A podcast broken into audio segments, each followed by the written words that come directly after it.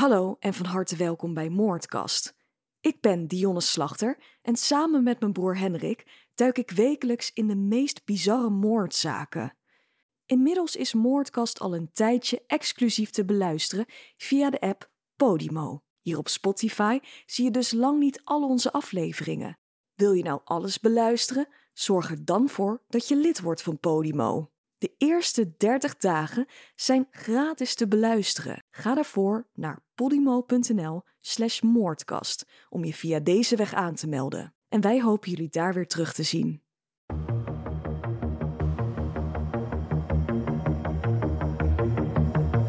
Welkom bij deze nieuwe Moordkast. De podcast waarbij ik je meeneem in verschillende mysterieuze moordzaken. Ik ben Dionne Slachter en samen met mijn broer Hendrik als sidekick duiken we in de waargebeurde misdaad. Vandaag gaan we het hebben over de 16-jarige Marianne Vaatstra. Na een feestje op Koninginnedag fietst ze alleen naar huis en wordt de volgende dag vermoord teruggevonden. Het hele land is in shock, maar wie zou dit gedaan kunnen hebben? Van harte welkom alweer bij eh, deze nieuwe aflevering van Moordkast. Ik zit hier natuurlijk naast mijn broer Henrik. Hey. Marianne Vaatstra, 1999, een keer een nationale zaak die we gaan bespreken vandaag. Ja, ik, uh, ik kende deze zaak van Peter R. de Vries. Ik ook. Die heeft daar uh, veel aandacht aan geschonken, gelukkig. Ik kan me dat ook nog heel goed herinneren. De afleveringen van Peter R. de Vries voordat de moord werd opgelost. Voor degene die deze zaak uh, namelijk nog niet kennen.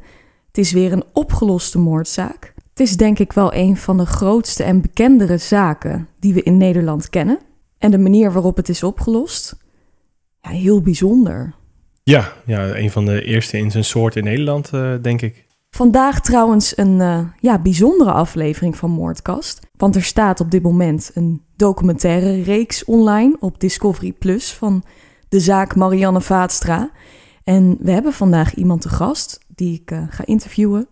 En dat is de initiatiefneemster uh, van de documentaire reeks. Ja, echt een super toffe docu hè, om te zien. Heel uh, mooi gedaan. Ik zeg tof, maar ik bedoel de, super interessant. En je wordt echt heel erg meegezogen eigenlijk in het verhaal. Het is, het is echt heel mooi neergezet. Ik vind ook dat deze documentaire heel erg laat zien... Um, uh, wat de andere kant van een moord is. Dus, dus hoe de nabestaanden uh, erin meeleven, wie er meeleven, hoe, hoe groot dat eigenlijk. Ja, ja wat, wat voor impact het maakt ja, op, op zo'n omgeving. Dat. Ja. ja, het is echt heel indrukwekkend. Dus ben je benieuwd, zou ik zeker de moeite nemen om uh, de documentaire serie te gaan bekijken op Discovery Plus. En aan het eind van onze podcast hebben we in ieder geval het interview met Linda Kramer, de initiatiefneemster. We willen jullie natuurlijk nog steeds oproepen om op ons te stemmen voor de Dutch Podcast Awards. Dit kan op podcastawards.nl. We zijn genomineerd in de categorie verhalend. Ja, het zou heel tof zijn. We hebben echt uh, elke stem nodig. Belangrijk is wel uh, dat je je e-mailadres invult. Dan krijg je een e-mailtje waarmee je je stem moet bevestigen. Als je dat hebt gedaan, dan telt je stem echt mee. Volg ons ook eventjes op onze Instagram, Moordkast, voor extra beeldmateriaal. We laten jullie ook een stukje achter de schermen zien van Moordkast. Dus mocht je dat interessant vinden, volg ons vooral. Ja, Marianne Vaatstra, ik denk dat we maar heel snel moeten gaan beginnen met dit uh, heftige, indrukwekkende verhaal. Marianne Imke Vaatstra wordt geboren op 10 augustus 1982 in Zwaag-Westeinde. Dat is een klein dorpje in Friesland. Haar ouders zijn Bouke Vaatstra en Maaike Terpstra. Ze groeit op in een vrij rustig gezin, maar wel een heel groot gezin. Ze had eh, twee oudere broers en drie oudere zussen. Ze was dus de jongste en als enige nog in huis. Dus uh, ze was het laatkomertje. Ja, dus die had echt wel het rijk, uh, het rijk voor haar alleen altijd, hè? Ja. Ja, iemand vol leven was het, hè? Het was echt iemand die ja, echt geen uitdaging uit de weg ging. Die, nee. Ja. ja, iedereen omschrijft haar als een heel vrolijk meisje. Ze hield van het leven, wordt beschreven als, uh, als iemand die super spontaan was, aanwezig. Hield van muziek. Ja, feesten, ja. Wat, ja. Waar een typische tiener. Ja, zes, 16 jaar, hè? Ja. ja. Later wil ze graag kapster worden en experimenteert dan ook uh, graag met verschillende haarstijlen. Het is een tienermeisje zoals je zou verwachten. Ze stond in de bloei van haar leven, werd omringd door goede vrienden en vriendinnetjes. Vond het uh, inderdaad ook leuk om, uh, om te stappen. Het is dan 30 april 1999. Marianne is 16 jaar en had die dag gewerkt. En 30 april was het destijds nog, zoals wij ook nog kennen, Koninginnedag. Ja. Ja, natuurlijk reden voor een feestje. Dus na haar werk heeft ze afgesproken om naar Colum te gaan om te stappen in de Paradiso Bar. Ze had toen verkering met een jongen, genaamd Spencer, een jongen van 18 jaar oud, en had met hem daar afgesproken. Verder is er nog een vriend van hem bij, een jongen genaamd Wietse. Nou, haar broer zet haar in ieder geval daar af, bij de Paradiso Bar, en na een paar uur besluiten ze alweer te vertrekken. Ja, die twee jongens hebben natuurlijk de hele dag door al gefeest. Die zijn al eh, best wel een tijdje bezig, hebben denk ik al wat meer drankjes op en Marianne komt daar aan. Iedereen is eigenlijk al veel verder met feesten dan zij. Ja, ja dat is wel een rot moment om op een feestje aan te komen ook altijd. Ja, dus... Maar, maar zij moest werken, dus ja, zij kwam later. Dus dan duurde het ook niet meer heel lang. Volgens mij zijn ze daar een paar uurtjes geweest en vertrokken ze alweer. Rond één uur s'nachts vertrekken de drie met de fiets en springt Marianne achterop bij haar vriendje Spencer. Ze fietsen met z'n drieën richting buitenpost. Dit is de woonplaats van Spencer en dat is een ritje geweest van zo'n 5 kilometer. Marianne zou eigenlijk met een taxi terug naar huis gaan. Uh, ze was namelijk bang in het donker en doet dan iets wat totaal niet bij haar karakter past. Bij het station van Buitenpost stelen ze een fiets waarop Marianne besluit daarmee naar huis te fietsen. Compleet alleen. alleen. Ja. Ja, iedereen hè. Iedereen zegt, maar dat kan niet. Zo was Marianne helemaal niet. Die deed dat niet. Die was overal zo, zo bang in het donker. Die zou dat nooit doen. Nooit. De vriendje zou een taxi voor de regelen. Dat is niet gebeurd. Nee, dus is op, op een gestolen fiets in de eentje terug naar huis gereden. Ja, op een ja, verlaten landweggetje. Het was ook uh, volgens niemand de bedoeling. Met iedereen was afgesproken, Marianne zou met een taxi naar huis worden gebracht. Ja. dat is op een of andere manier fout gegaan.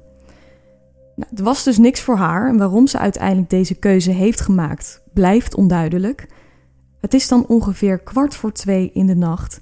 Marianne neemt afscheid van de jongens en dit is dan ook de laatste keer dat ze in leven wordt gezien. De volgende ochtend, het is zaterdag 1 mei, en de ouders van Marianne komen erachter dat ze niet thuis is gekomen die nacht. Vader Bouke belt in paniek de beste vriendin van Marianne om te checken of ze daar misschien is blijven slapen. Dit deden ze namelijk wel vaker na een avondje stappen. Nou, dat meisje dat heet Avi. Avi heeft ook best wel een prominente rol in de documentaire. Ze vertelt uh, voor de allereerste keer over haar relatie en goede vriendschap met Marianne en wat voor impact de moord op haar heeft.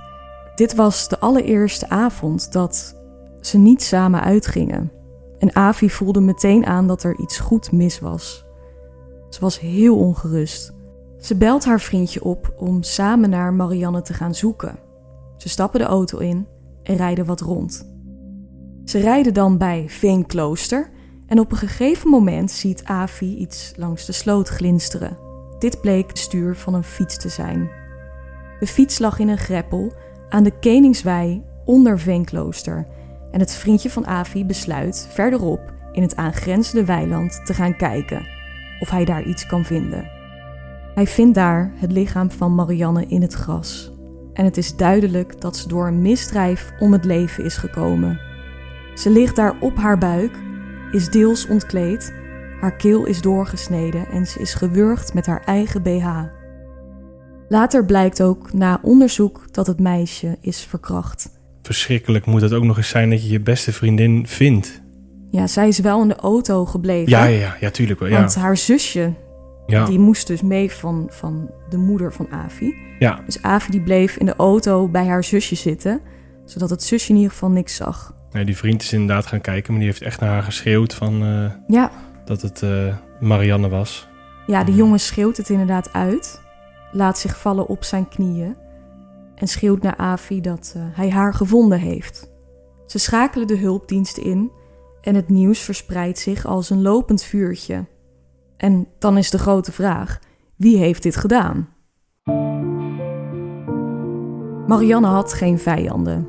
Dat zoiets gruwelijks met zoveel geweld op een tienermeisje in zo'n klein dorpje in Friesland kon gebeuren, daar waar eigenlijk nooit iets gebeurt, ja, dat was niet te bevatten.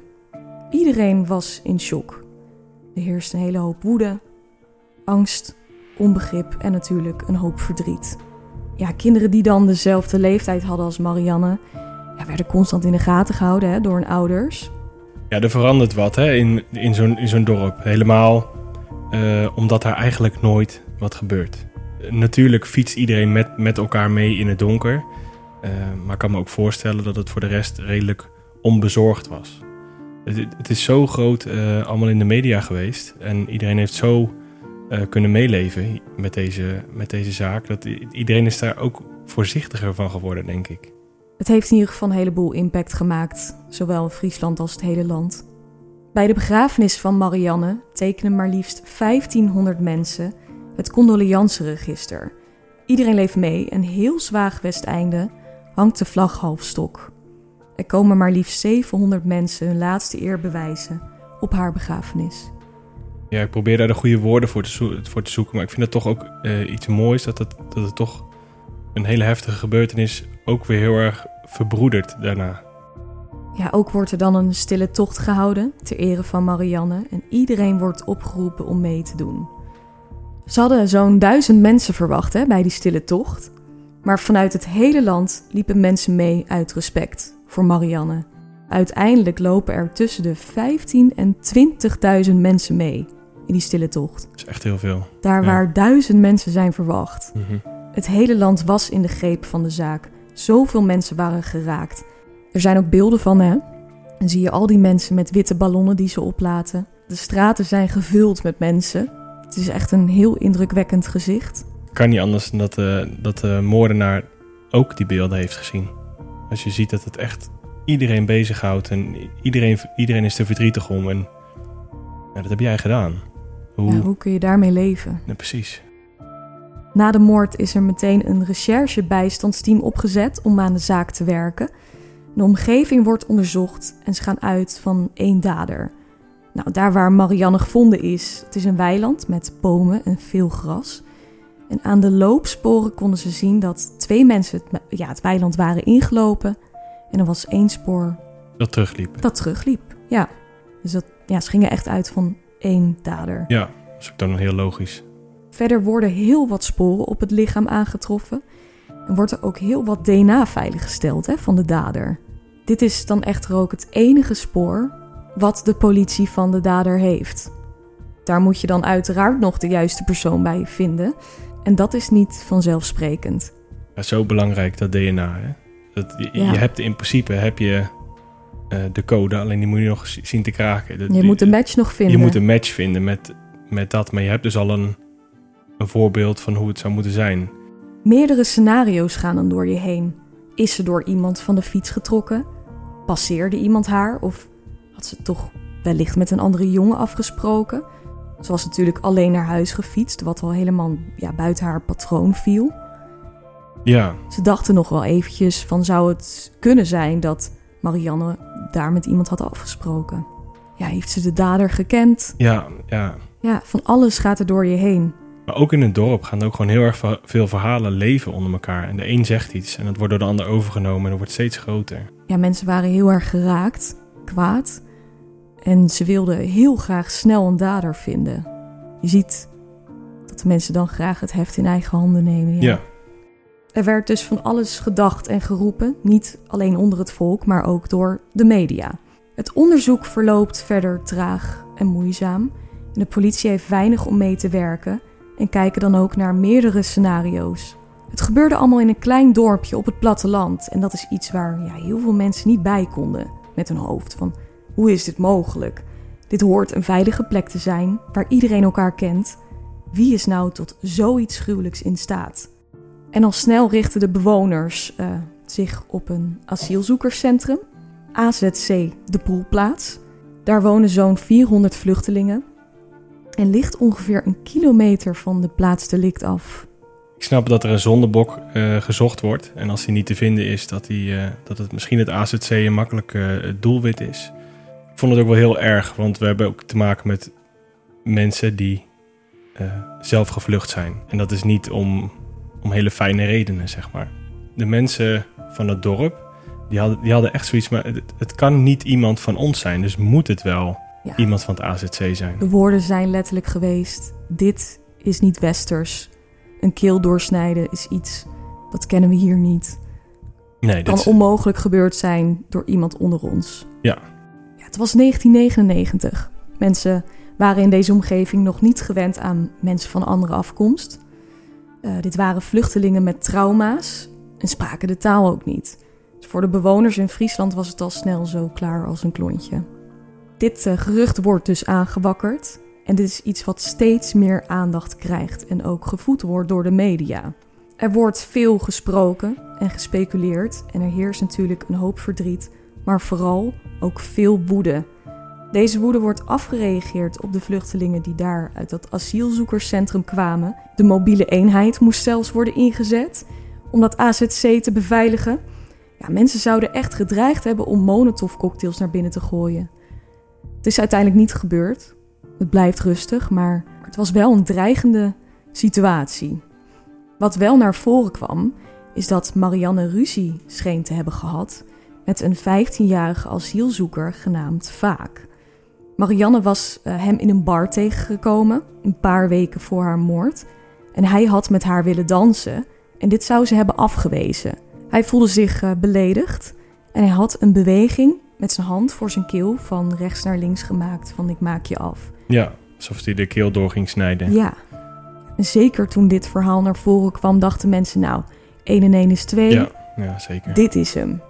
Vaak zou daarnaast al eerder meisjes hebben lastiggevallen en zelfs hebben misbruikt, dus de pijlen waren al snel op hem gericht. De jongen wordt verhoord en bevestigt ook eigenlijk van ja, dit is gebeurd. Dit heb ik gedaan in die Ja. bar. Eh, ja, zijn DNA wordt afgenomen om te kijken of er een match is. Maar dit bleek niet de dader te zijn na het vergelijken van dit DNA. Hij Zo, zo fijn hè, dat dat er dus gewoon is. Want anders had Ja. hij misschien echt gewoon misschien vastgezeten voor. Je weet het niet, hè? Nee. Dan wordt er nog een verdachte aangehouden, de 32-jarige Piet S. Hij komt uit Zwaagwesteinde en dit vindt plaats zo'n twee maanden na de moord. Een getuige zou hem de bewuste nacht onder het bloed hebben gezien toen hij thuis kwam. Dit was zijn buurman die die tip gaf. Maar dit verhaal bleek compleet uit de lucht gegrepen te zijn. Dit had die buurman gewoon over Piet verzonnen. Ja, dat kan toch niet? Bizar toch? Daar moet toch ook gewoon een celstraf op staan? Ja, Die man, die wordt dus nu nog wel eens scheef aangekeken. Ja, Piet heeft er heel veel last van gehad. Ja. want ze hebben zijn DNA vergeleken. Dat bleek geen match te zijn. Maar toch werd hij met de nek aangekeken. Ja, je maakt gewoon echt iemands leven gewoon, eh, gewoon stuk. Ja, het heeft heel veel impact op hem gehad. Waar haal je het lef vandaan? Ja, je, je doet er een hoop mee, maar absoluut geen goed. Nee. Nee, echt niet. Het onderzoek loopt dan al vrij snel vast. En de politie onderzoekt alles wat ze konden. Dan uiteindelijk wordt er een melding gedaan van een wandelaar langs een spoor. Hij is zelf naar de politie gekomen om aan te geven dat hij die wandelaar was. En deze man zou meerdere mensen hebben verteld dat hij iets verschrikkelijks op zijn kerfstok heeft. Hij heeft erge dingen gedaan. Hij wil zijn hart luchten, maar hij durft niet te zeggen wat het precies is. En ook hiervan werd gedacht: misschien is dit hem wel. Uiteindelijk bleek het een verwarde man te zijn en ook zijn DNA kwam niet overeen. Ja, toch dachten ze eventjes eh, dat ze hem Ja, we hebben hem, ja. Dat denken ze eigenlijk wel meerdere keren in deze zaak. Mhm. Maar het is echt domper op domper. Ja, vooral ook voor die, voor die familie. En dat, dat laat die documentaire ook zo goed zien. Hoe, hoeveel pijn dat doet. Ja, daar komt een heleboel emotie bij kijken.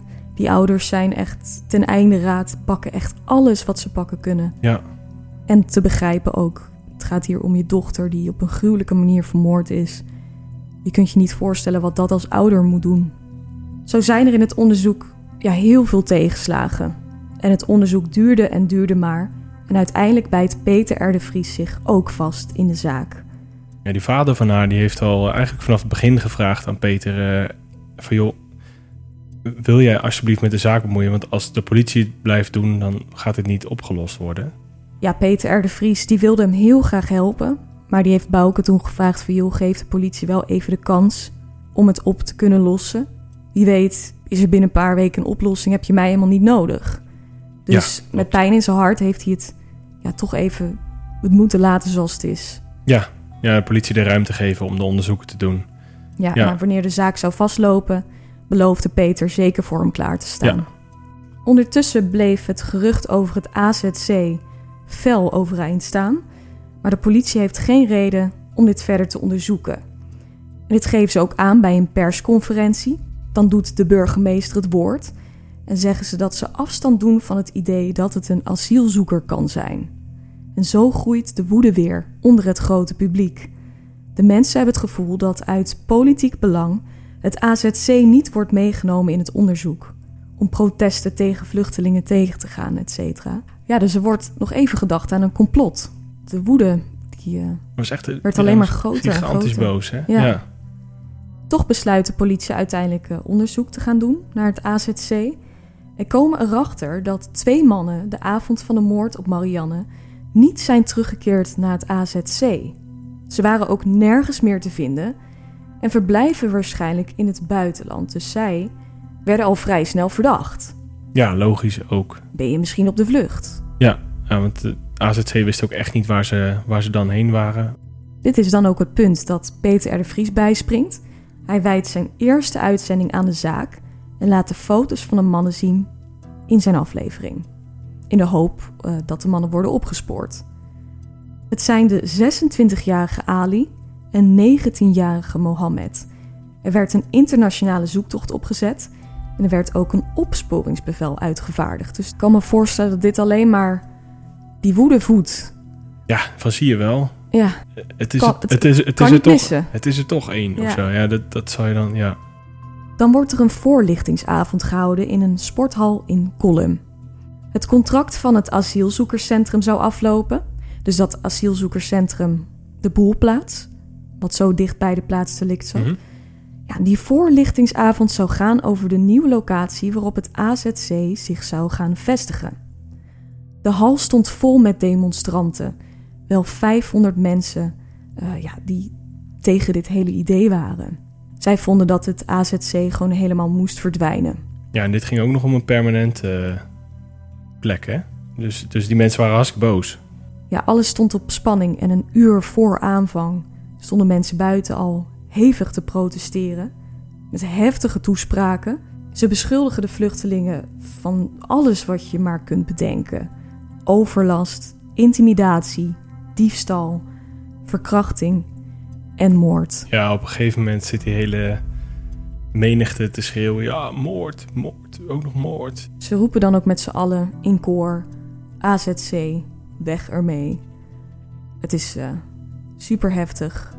Nee, het is, het is alsof, alsof het AZC de schuld is van ehm, de dood van Marianne Vaatstra... en dus de pijn van eh, iedereen daar. En daar zijn ze zo boos om. Dus was dat AZC er niet geweest... Nou, dan had eh, Marianne ook nog geleefd. Dat was volgens mij een beetje het, eh, het idee daar. En daarom waren ze ook zo kwaad. De emoties liepen heel hoog op. Mhm. Zeker omdat de vader van Marianne Vaatstra dan ook nog het woord doet.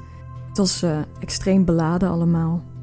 Dan begint die voorlichtingsavond en de burgemeester die komt binnen, die doet zijn verhaal en dat begint vrij rustig. Maar zodra de regiomanager aan het woord kwam, werden zij met eieren bekogeld. De avond liep uit op één grote chaos en er stond een geduw en getrek en de burgemeester en andere sprekers moesten echt worden beschermd en weggehaald. De bijeenkomst werd eh, afgeblazen. Ja, het was zo agressief daar. En dan op een gegeven moment wordt Ali gevonden in Istanbul. En hij wordt door de Turkse politie ingerekend. Het DNA kon nu eindelijk worden vergeleken. Zou dit dan de dader zijn? Maar nee, ook Ali was het niet. Nee, weer niet. Nee. Het was blijkbaar toeval dat deze twee mannen die avond zijn vertrokken. De politie zit op dit punt echt met de handen in het haar. Alles wees erop dat deze verdachte voortvluchtig leek te zijn. Dit was gewoon totaal niet het geval. En omdat Ali niet de dader was, lieten ze de verdenkingen op de 19-jarige Mohammed, waarvan ze dachten dat hij de handlanger was, ook gaan. Ja, tot zover het onderzoek in het AZC. Meer viel er eigenlijk ook niet te vinden daar. Er was echt niks wat, uh, wat erop leek dat dit uit AZC zou komen in ieder geval. Nee, maar dan begin je ook gewoon wel weer bij af als politie zijnde. En vanaf dit punt gaat Peter R. de Vries een grote rol spelen in de zaak. Want nadat het onderzoek weer vastloopt, probeert hij een jaar na de moord op Marianne een grootschalig DNA-onderzoek van de grond te krijgen. Dit verzoek dient hij in bij de Leeuwarder rechtbank, maar wordt afgewezen. Ja, in de tussentijd had zo'n grootschalig DNA-onderzoek al voor doorbraken gezorgd in het buitenland. En Peter wilde dit onder de aandacht brengen van wellicht is dit wel de sleutel tot de oplossing van de moord op Marianne Vaatstra. Ja, het werd uiteindelijk afgewezen omdat ze de meerwaarde er niet van inzagen. En volgens de wet was het ook lastig om in te voeren. Dat klopt, ja. Zo'n grootschalig DNA-onderzoek kost natuurlijk enorm veel geld. Ze zagen dit ook wel een beetje als een privacy-schending. Of principieel dat het niet helemaal lekker zat, omdat... Ja, je wordt toch als verdachte aangemerkt eigenlijk als je uitgenodigd wordt. Ja, of dat, dat gevoel krijg je, terwijl dat niet zo is. Ja. Uh, de rechter vond, een DNA-onderzoek moet alleen uh, gericht zijn op een verdachte. Ja. Maar Peter was in ieder geval wel blij dat hij dit onder de aandacht kon brengen op deze manier. Zeker. Op zijn minst. Ze hebben in het jaar 2000, dus een jaar na de moord, wel zo'n 150 mannen opgeroepen om DNA af te staan. Het ging dan om personen uit de kennissenkring van Marianne, mensen die in de buurt wonen die bekend stonden als een zedendeliquent in het politiedossier. Ja, de politie kreeg ook echt maar 150 man, kregen ze, terwijl ze zelf ook zo graag grootschalig wilden doen. Ja, ja dit leverde dan ook niks op. De dader zat er niet bij, bij deze 150 mannen. Nee, maar 150 is natuurlijk ook zo weinig. Ja. We gaan er weer wat jaren voorbij. En op een gegeven moment wordt het DNA op zichzelf onderzocht om te kijken wat voor profiel komt hieruit rollen. En dan blijkt dat de moordenaar van Europese afkomst blijkt te zijn. De theorie dat iemand ja, uit het AZC dit gedaan zou moeten hebben, dat valt natuurlijk compleet in duigen. En ze denken vooral aan iemand die daar dan in de buurt moet hebben gewoond. Heel veel mensen hebben dat AZC verdacht en het, het moest wel dat zijn. Ja, en, en dan zou het misschien wel je buurman kunnen zijn of zo. Nou, daar ga je wel aan denken, hè? Dat is eng. En dan staat het onderzoek eigenlijk heel lang stil. Elke tip is nagegaan. Alle verdachten, mogelijke verdachten, zijn gecheckt. Gekeken of er een DNA-match is. En er was eigenlijk niemand meer. En toen vond er in 2012 een wetswijziging plaats, zodat dat grootschalige DNA-verwantschapsonderzoek mogelijk werd gemaakt.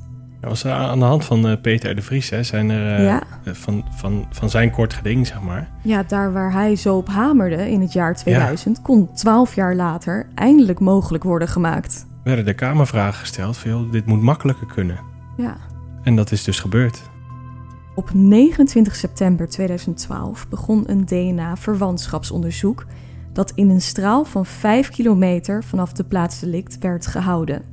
Dit gebeurde onder ruim 8000 mannen. Nou, dit ging dan op vrijwillige basis. De mannen werden opgeroepen door middel van een uitnodiging. Er werd wangslijmvlies afgenomen en... Ja, en dan denk je vrijwillige basis. Wie, welke moordenaar komt er nou naar zijn... Uh, ja, wie komt er nou naartoe? Maar stel dat je een neef of een broer of, of, of uh, wat dan ook bent van de dader, dan is dat dus te zien in jouw DNA dat, dat, ja, dat jij deels gelinkt bent aan de dader. Ja, dus is het iemand van jouw familie. Ja. Dus iedereen wilde daaraan meewerken. ja, op oude beelden is ook te zien, worden mensen geïnterviewd. Wat vind je hier nou van? Dan denken mensen wel van, ja, ik vind het wel spannend. Ze beloven het DNA daarna wel te vernietigen. Maar misschien sta je wel voor eeuwig in die database. Uh, maar ik ga het toch doen, want ik wil dat deze zaak wordt opgelost. Ja, Er zijn echt heel veel mannen komen opdagen. Maar liefst 90% ja, dat is echt heel veel. Ja, Er werd ook een man geïnterviewd, die werd gevraagd... Ja, maar wat nou als, als het iemand van je familie is? Dan wil ik het ook weten, want dan moet hij zitten. ja, Zo, zoiets. Dan moet hij zijn Ja. straf eh, krijgen. ja. En dat heerste daar allemaal wel. Ja, dat hele, ja, die samenhorigheid. Ja. Van, we, gaan het met z'n allen doen. Uiteindelijk komen dus meer dan 7000 mannen opdagen. Ongeveer 700 mannen weigeren. En wanneer ze rond de 4000 DNA-profielen hebben onderzocht, wordt er ineens een match gevonden. 100% is dit de DNA van de dader. En Dus hij, het dader heeft zich gewoon zelf... hij was op vrijwillige basis daar naartoe gegaan. Ja, Het gaat hier om de 45-jarige Jasper S. Hij woonde in Oudwoude, zo'n 2,5 kilometer vanaf de plaatsdelict. En hij woonde daar op een boerderij. Hij was een melkveehouder.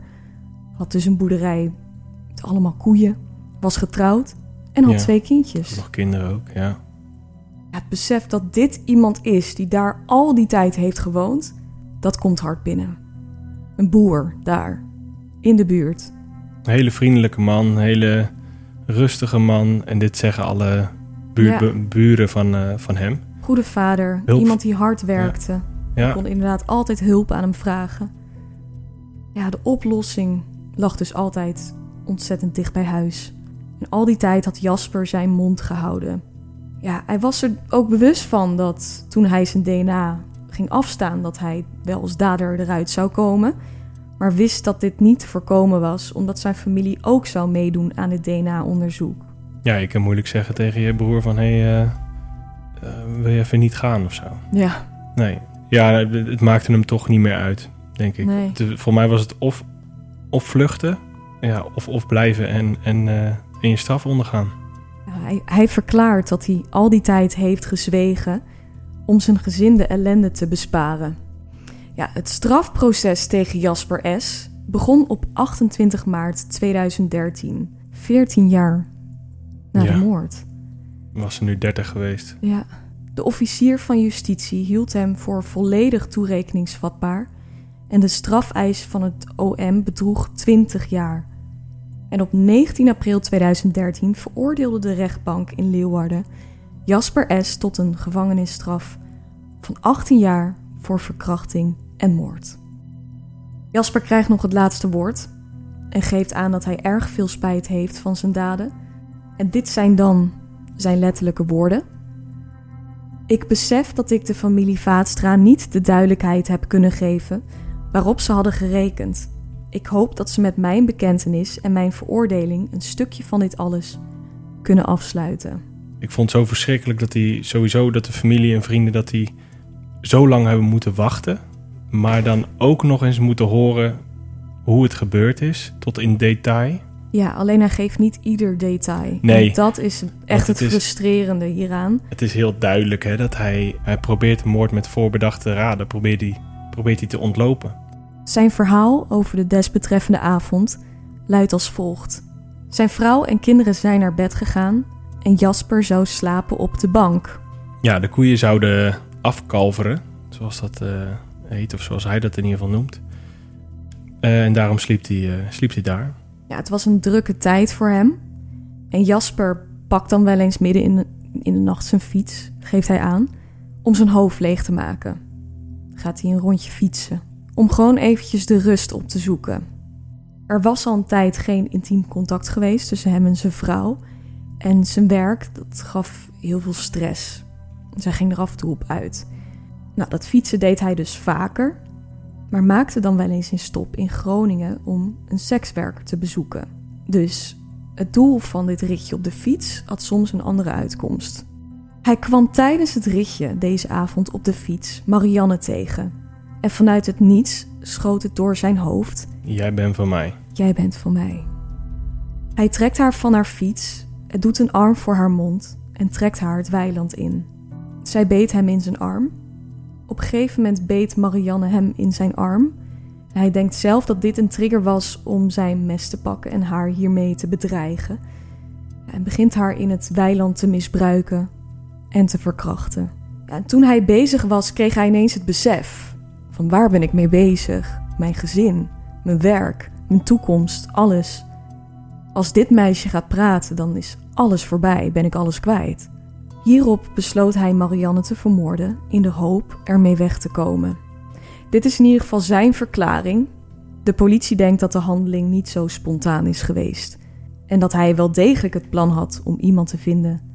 En dat die plek ook zo zorgvuldig is gekozen. Ja, dat wilde ik net zeggen inderdaad. Die, die plek, elk weiland is, is gewoon redelijk open. Maar deze heeft precies zo'n inkeping waar je dan net niet gezien wordt achter bomen. ja, Ehm, het is beschut. Dit kan niet toevallig geweest zijn. Dat je, dat je haar, haar toevallig daarheen hebt meegenomen. De politie denkt inderdaad dat hij daar eh, iemand heeft staan opwachten. met wel degelijk het plan om een meisje van de fiets te trekken. Ja, die gaten in zijn geheugen, het hele verhaal van wat Marianne als laatst heeft gezegd, ja, dat geeft hij niet prijs. Dat vind ik ontzettend kwalijk. Kijk, je bent er toch al bij. Je gaat zitten. Vertel dan het hele verhaal.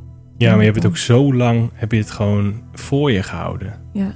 Je ziet dat iedereen in het land ermee bezig is. Het komt op tv. Het lijkt me enorme druk geven. En enorm ook de hele tijd afwachten van... Oh, hebben, hebben ze me al, zijn ze me al op het spoor? Komen ze me al ophalen? Dat zo, zoiets. Die man heeft natuurlijk ook een heel gezin. Die hebben dat al die tijd nooit doorgehad. Die vallen ook ineens in een zwart gat. Uh, een vader die wegvalt, die ineens een moordenaar blijkt te zijn. Nou, ik zou zeggen, bekijk de documentaire op Discovery Plus zelf. Het is echt een prachtige vierdelige serie. Ja, vandaag op vrijdag is de, is de vierde aflevering online gekomen. Dus je kan hem meteen helemaal, uh, helemaal kijken. Ja, mocht je het nog niet gedaan hebben, alle vier de afleveringen staan vanaf vandaag online. Ik heb dan nog een interview gehouden met de initiatiefneemster van de documentaire reeks, genaamd Linda Kramer. En ik ben heel benieuwd hoe dit voor haar is geweest en of ze nog wat meer kan vertellen hierover. Dus daar gaan we maar heel snel naar luisteren. Nou, ik zit hier naast Linda Kramer, de initiatiefneemster van de documentaire reeks op Discovery Plus over Marianne Vaatstra. Wat was jouw rol binnen de documentaire? Nou, eigenlijk zijn wij, um, ik nou, denk anderhalf jaar geleden, uh, naar Discovery gestapt. Uh, ik samen met, uh, met een collega van mij. Omdat we dachten, we zagen overal om ons heen dat true crime series ja, als paddenstoelen uit de grond schoten. Maar ook dat we zelf s'avonds op de bank allemaal toch heb je gisteravond die serie gezien? Heb je dat nog gezien? En toen zaten we met elkaar en toen zeiden we van eigenlijk is het heel gek dat het in Nederland nog helemaal niet zo veel gedaan wordt, of eigenlijk bijna niet gedaan wordt. En uh, toen zijn we met elkaar gaan brainstormen en denken, nou ja, wat is eigenlijk de, de, de, de zaak waarvan wij allemaal zeggen, hoe heeft dit kunnen gebeuren? Wat was dit voor een bijzondere zaak? En toen kwamen we eigenlijk allemaal uh, bij Marianne Vaatstra uit. Mijn eigen persoonlijke uh, link met die zaak is dat in de tijd dat Marianne vermoord werd, was ik ook een meisje van 16 of 17 jaar. Dus ik heb die zaak eigenlijk altijd heel van dichtbij gevolgd. Um, maar wat het uh, grappige eigenlijk was, was toen we het daar met elkaar over hadden, hè, van nou ja, Marianne Vaatstra, interessante zaak, heftige zaak. Toen zeiden we, die zaak is opgelost, toch? Maar toen wist niemand eigenlijk meer precies hoe die nou was opgelost, wat nou de details waren. En toen dachten we eigenlijk allemaal van ja, als wij dat al niet meer weten, uh, dan zijn er dus heel veel mensen die dat niet meer weten. En hoe mooi zou het zijn als we dat verhaal gewoon helemaal in één keer kunnen vertellen. Want we waren er inmiddels ook wel achter dat er heel veel geschreven en gezegd is over de zaak. Maar dat, uh, dat het nooit uh, in één verhaal helemaal verteld is. Ja, ik mis dat ook wel vaak in Nederland, moet ik zeggen. Ja. En zeker in deze zaak en de manier waarop die natuurlijk is opgelost. En hoe die is opgelost. Ik had hetzelfde vlak voordat ik hem ging kijken. Ik wist het ook niet meer helemaal. Nee dat vond ik eigenlijk wel echt heel erg. En toen wij dus vervolgens die zaak, uh, in die zaak gingen duiken, met mensen gingen praten, toen bleek ook dat dat, zeg maar, voor heel veel mensen, die zeiden van, uh, dat is voor ons zo belangrijk, dat die zaak, en eigenlijk mag ik niet eens zeggen de zaak, want dat is natuurlijk eigenlijk heel gek dat je over een persoon, namelijk een meisje van 16, Marianne Vaatstra, de hele tijd praat als de zaak. Mm -hmm. uh, maar het is voor heel veel nabestaanden en voor mensen die er heel dichtbij hebben gestaan, heel belangrijk dat dit verhaal nooit vergeten wordt. Dat was eigenlijk nog wel een reden te meer waarvan we dachten, dit, dit mag niet vergeten worden. En, en dat gebeurt dus wel. Dus we moeten, we moeten over deze zaak gaan vertellen. Nou, ik denk dat jullie daar uh, ja, iets heel moois van hebben gemaakt. En dat doel ook zeker hebben bereikt om dat verhaal heel mooi neer te zetten. Ja.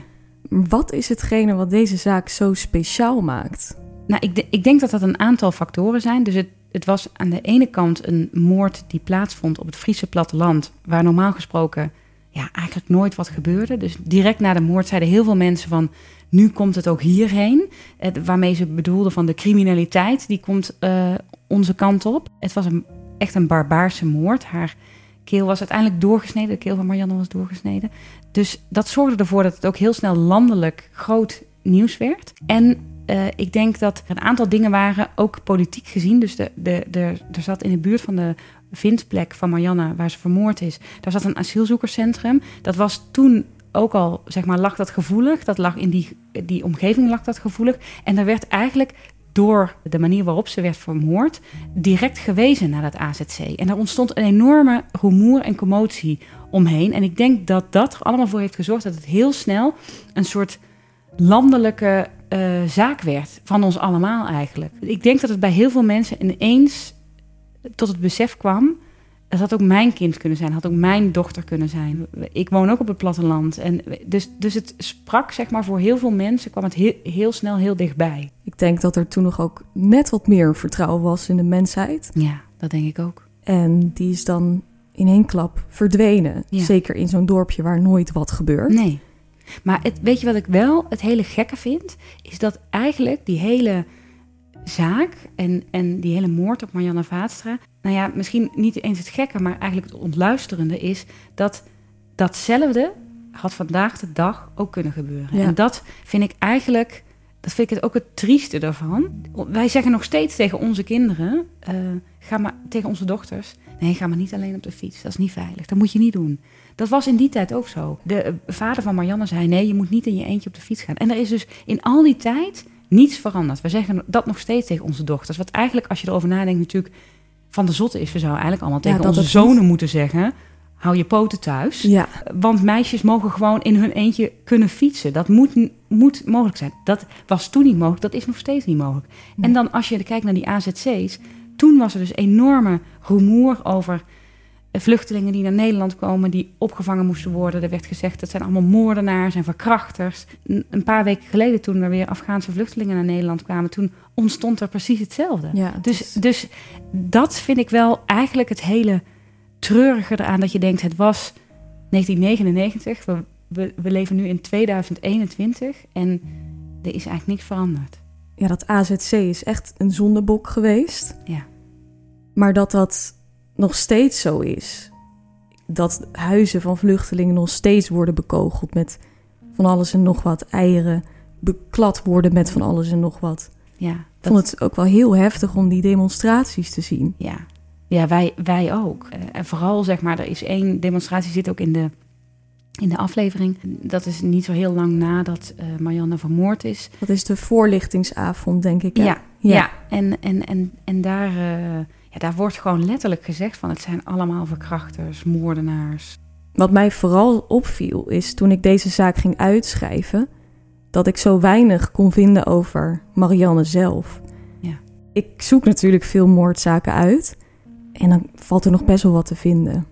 Ja. Achtergrondinformatie, Ja. early life, Ja. alles. Ja.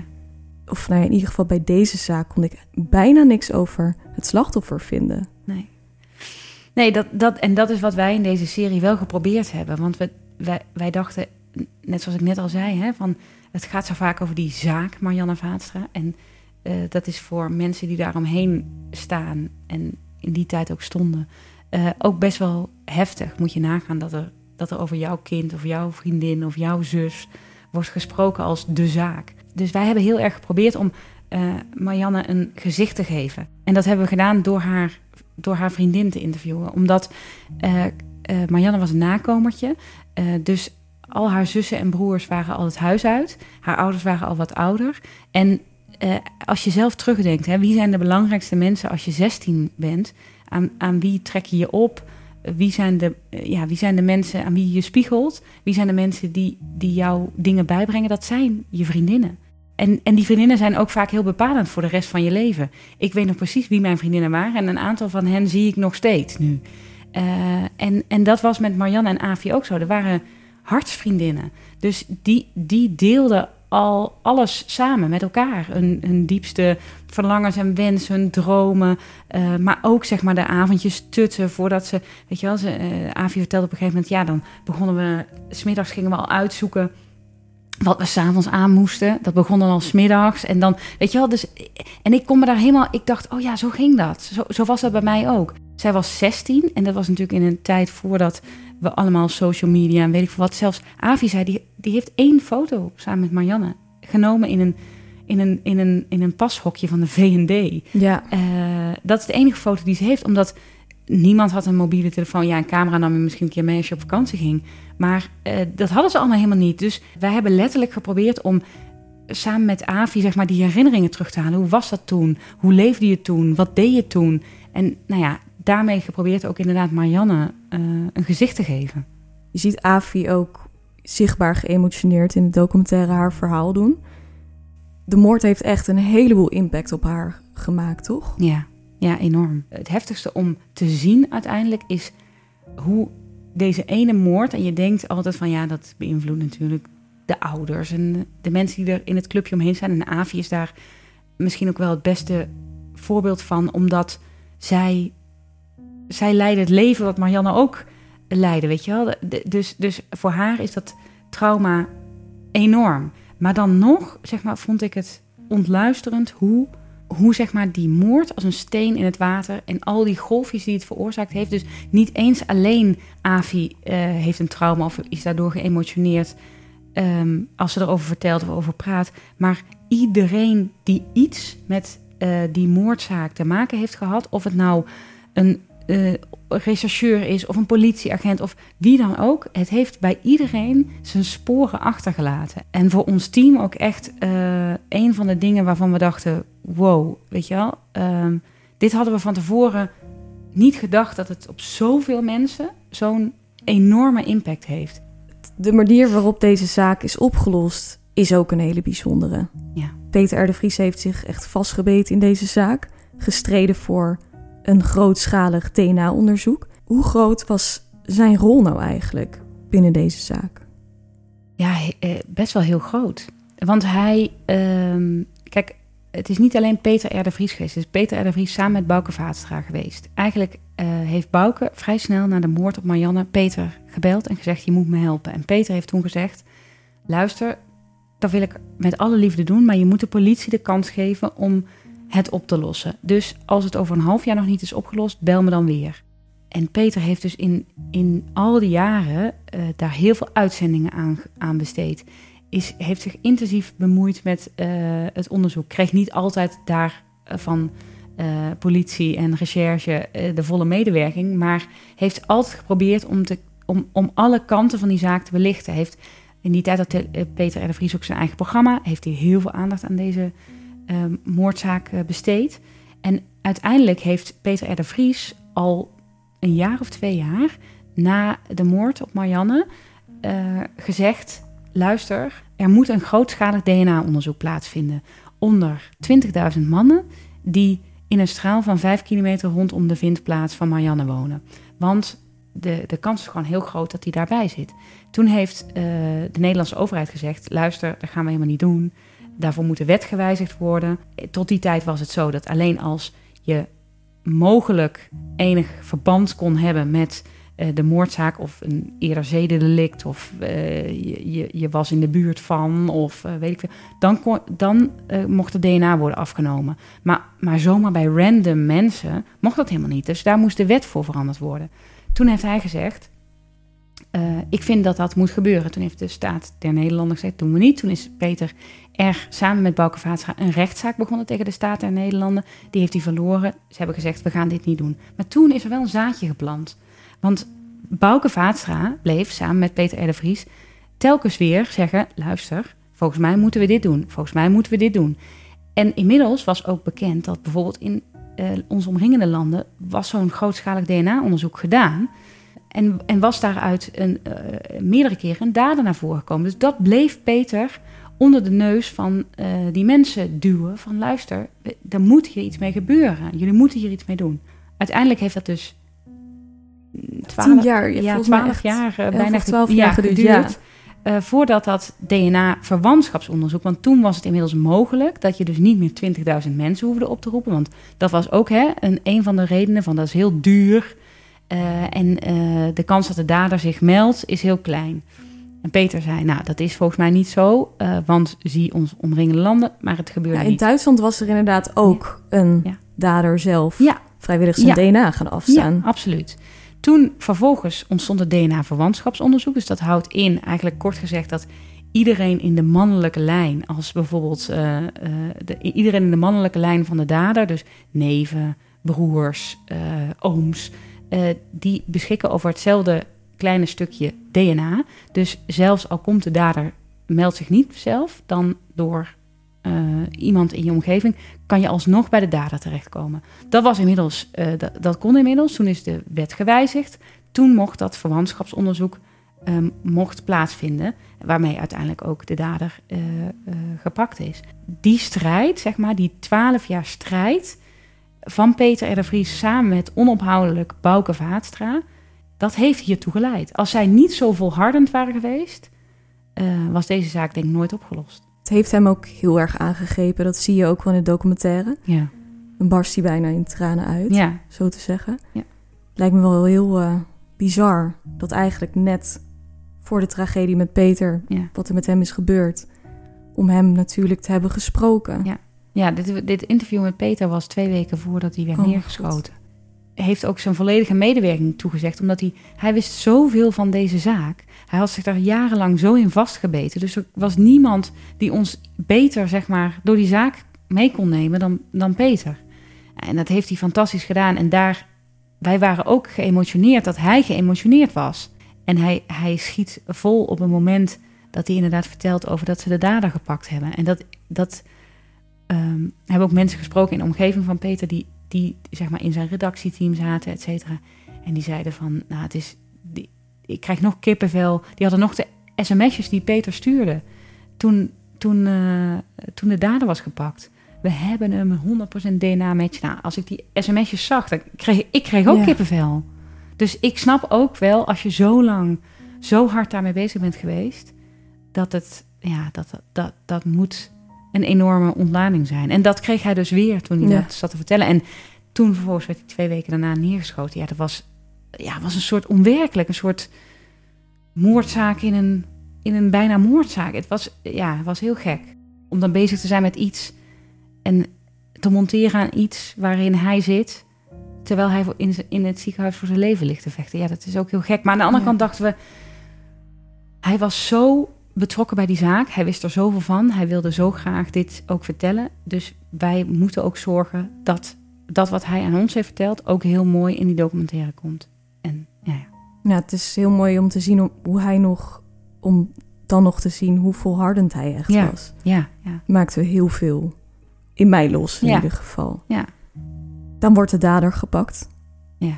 Er zijn zo'n 7000 mannen komen opdagen. ja. Ze hebben zo'n 4000 profielen onderzocht. Ja. En dan is er 100% een match. Ja. Die dader is zelf opkomen dagen. Ja. Wat zou hij in zijn hoofd hebben gehad? Hij was ervan overtuigd dat hij gebakt zou worden.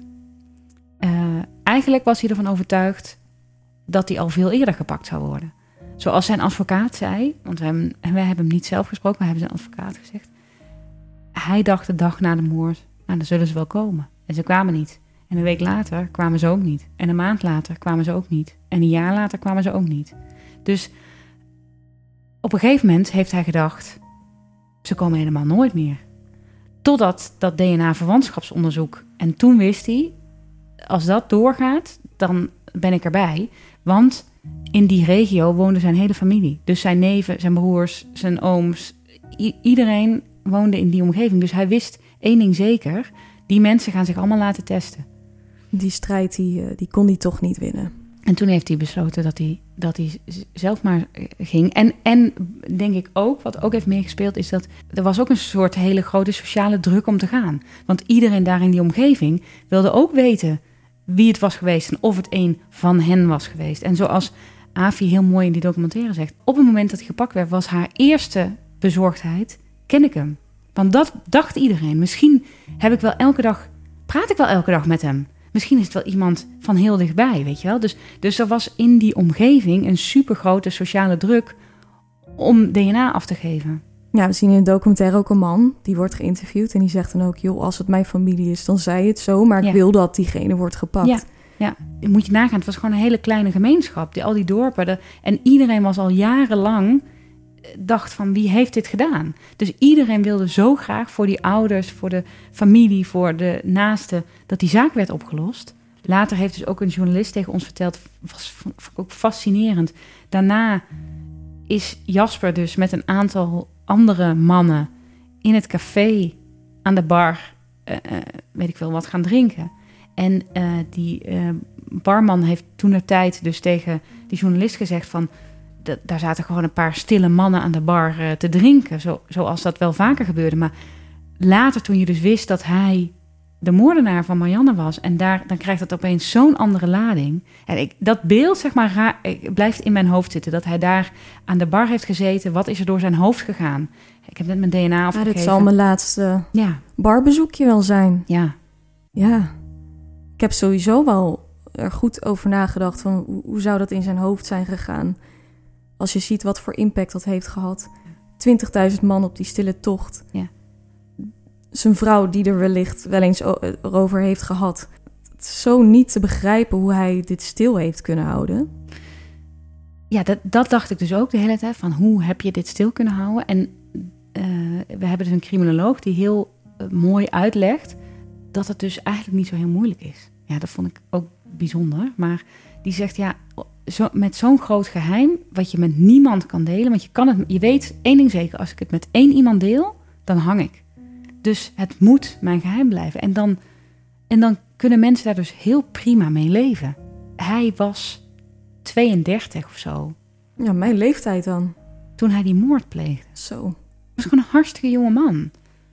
Die, zeg maar, op datzelfde moment een vrouw had en twee kinderen. En toen gewoon heel berekenend heeft bedacht. Als dit uitkomt, dan is mijn hele leven voorbij. En van mijn vrouw en mijn kinderen. Dus weet je wat, ik hou mijn mond dicht. En ik leef gewoon verder. 13 jaar. Hij heeft dan ook in de rechtszaal nog gesproken. Ja, En uitgelegd wat er gebeurd is volgens zijn visie. ja, Ehm, en dat het niet met voorbedachte raden zou zijn. Ja. Politie denkt daar anders over, hè? ja. Ja, ik inmiddels ook. Ik ook. Ja, hij heeft gewoon alles aan gedaan. Want er lag een, eh, of hij kon, eh, weet ik veel, 15 jaar of 20 jaar krijgen. Met s- aftrek van, wordt het dan 13 of 15 jaar, weet ik veel. Of levenslang. En zijn advocaat, eh er, er viel geen hel te behalen aan iets ontkennen. Want het was, zoals die advocaat zei, 100% DNA-match op dader-gerelateerde plekken. Het was een vernietigend rapport, zei die eh, advocaat. Dus dat betekent dat hij hoe dan ook veroordeeld zou worden. Het ding was, ze wilden zorgen dat die, dat die straf geen levenslang werd. Alles, is alles in werking gezet om die straf niet levenslang te maken.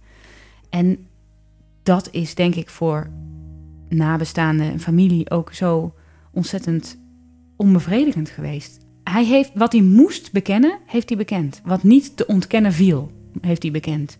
Maar al het andere, daarvan heeft hij gezegd: ja, dat, was, dat gebeurde per ongeluk. Of uh, ja, hij dat zich niet kan, meer kan ik niet meer herinneren? Terwijl het feit dat hij haar in dat weiland heeft meegenomen, dat, dat is geen toeval. Dat is niet per ongeluk. Uh, Want al die weilanden die zijn in principe ja, uitgestrekt. Dus Kaarsrecht. Er, ja, kaarsrecht. Dat is alleen maar gras. En precies dit weiland heeft een soort bosperceeltje met een hoekje. Ja, dus het is zeg maar een... Je loopt 60 meter dat weiland in en dan zit er een hoekje in. Maar eigenlijk in Nederland, als je kijkt naar de weilanden in Nederland... We weten het allemaal als we in een vliegtuig hebben gezeten... Alle weilanden in Nederland zijn kaarsrecht. Want het is namelijk heel onhandig om een hoek in je weiland te hebben. Wat moet je ermee? Maar in dit weiland zat een hoek. De kans dat jij spontaan denkt, s'nachts... Weet je wat, ik ga een eind fietsen. En dan denkt, weet je wat, ik trek een meisje van de fiets. Die ga ik verkrachten. Weet je wat, doe ik even lekker hier. Ja, die kans is gewoon, die bestaat bijna niet. Dat je dan toevallig een hoekje tegenkomt waarachter je lekker je gang kunt gaan. Nee, 60 dus, meter van de, van de weg af. dus het gevoel is hierbij toch wel dat hij Ja. een meisje stond op te wachten die avond. Ja, en ik, ik denk niet dat hij Marianne uh, heeft opgewacht. Maar wel iemand heeft opgewacht. En, en daar misschien ook al wel veel langer over gefantaseerd heeft. Hoe dat zou zijn. Dat hij haar ook niet in een opwelling heeft vermoord. Zoals de deskundigen ook zeggen. Hij heeft haar eerst gewurgd met haar BH. Maar als je dus iemand wilt wurgen, dat is, dat is niet binnen een paar seconden gebeurd. Dat duurt heel lang. Ja, dit is, dit is niet iemand die in een spontane opwelling dacht... ik, ik doe dit allemaal even. Dat, Nee. dat, Je hebt heel veel tijd gehad om erover na te denken. Precies. En je hebt heel veel tijd gehad om in de tussentijd die handelingen te stoppen. Zoals de deskundigen ook zeggen. eh, het feit dat hij in dat weiland met het hoekje Mes bij zich. een mes bij zich. Weet je, dat zijn allemaal dingen waarvan je denkt, ja, dat, dat, dat kan geen toeval zijn. En hij heeft dus in die rechtszaak nooit helderheid gegeven over, over dat soort zaken. Hoe, hoe hij haar precies van de fiets af heeft getrokken. Ehm, hoe, hoe zij al die meters het weiland in is. Weet je, wat ze nog gezegd heeft, wat er nog gebeurd is. Ja, er, zijn gewoon heel veel dingen onduidelijk. En dat is, ja, dat is gewoon heel hard voor de mensen die, ja, die achterblijven en die, en die al 13 jaar lang met vragen zaten. Nou, het heeft dus als doel om een lagere straf te krijgen. Ja, Het is ook gelukt. Ja. Hij heeft geen levenslang gekregen. nee, 18 jaar. Ja. Dat betekent dat het ook niet meer heel lang duurt. nog twee jaar. Hij komt in 2023 vrij. Wat heftig. Ja, terwijl eh, voor mij, eh, in mijn beleving, zit hij pas net vast. Voor mijn gevoel is deze zaak ook pas net opgelost. Ja. Ik had dat ook. Maar goed, dan als je, als je terugrekent, heeft hij straks, nou ja, tien jaar ongeveer vastgezeten. Is er zelf nog iets wat je zou willen vertellen over de documentaire? Of over wat je hebt meegemaakt? Nou ja, wat ik, wat ik net al zei, dat ik, eh, ik, ik, ik, ik ben eh, enorm geraakt door de manier waarop dit zoveel levens heeft beïnvloed. En ook zoveel levens heeft kapot gemaakt. Dat vind ik echt intens verdrietig. Niet alleen is het leven van Marianne kapot gemaakt. Eh, Avi heeft Marianne gevonden. Hè? Op het moment dat eh Avi samen met haar toenmalig vriendje Marianne vond in dat weiland... heeft ze waarschijnlijk onbewust ergens een geluid van een vogel ehm, gehoord. Een vogel die in het voorjaar waarschijnlijk heel actief is en veel fluit. Eh, maar dat heeft ze zich toen niet gerealiseerd. Maar ieder jaar, dus al die jaren, al die twintig jaar nu zeg maar, eh, in het voorjaar, komt die, hoort ze die vogel weer. En ze zei, zodra ik die vogel hoor, dan ben ik weer 17. Dan sta ik weer in dat weiland in Veenklooster en dan kijk ik naar Marianne die daar ligt. Ja, dan, dat vind ik zo intens verdrietig. Ik denk, Marianne's leven is kapot gemaakt. Het leven van die familie is kapot gemaakt. Het leven van Avi is kapot gemaakt. Avi moet haar kinderen nu gaan vertellen dat er ineens slechte mensen op de wereld zijn. De rechercheurs die zeg maar met die moordzaak betrokken zijn, die zeggen gewoon: die moord op Marianne is gewoon een deel geworden van, van mijn leven, van mijn verhaal, van mijn levensverhaal. Dat zeg maar vind ik, eh, dat raakt mij zelf het meest, zeg maar, van die hele, ja, van, van, van het maken van die hele documentaire. Dat ik denk, het is zo wijdverbreid. Dat verdriet wordt door iedereen op een andere manier, maar wel door iedereen zo ervaren. En dat trauma is zo immens groot. Aan de andere kant hoop ik dat we met die serie eh, ook ehm, het verhaal van haar levend kunnen houden. Dat we dat niet vergeten. Ja, dit was het interview met Linda Kramer, de initiatiefneemster van de documentaire reeks op Discovery Plus over Marianne Vaatstra. Ik denk dat het een hele mooie toevoeging is om vaker in een moordkast te doen als daar een mogelijkheid voor is. En vergeet natuurlijk niet om op ons te stemmen voor De Podcast Awards. de Dutch Podcast Awards op podcastawards.nl in de categorie verhalend. Vergeet ook niet je stem te bevestigen. En dan telt hij, eh, Ja, via e-mail. telt hij helemaal mee. Inderdaad. En dan zien we jullie volgende week weer om 4 uur 's middags op Moordkast. Tot volgende week. Tot volgende week.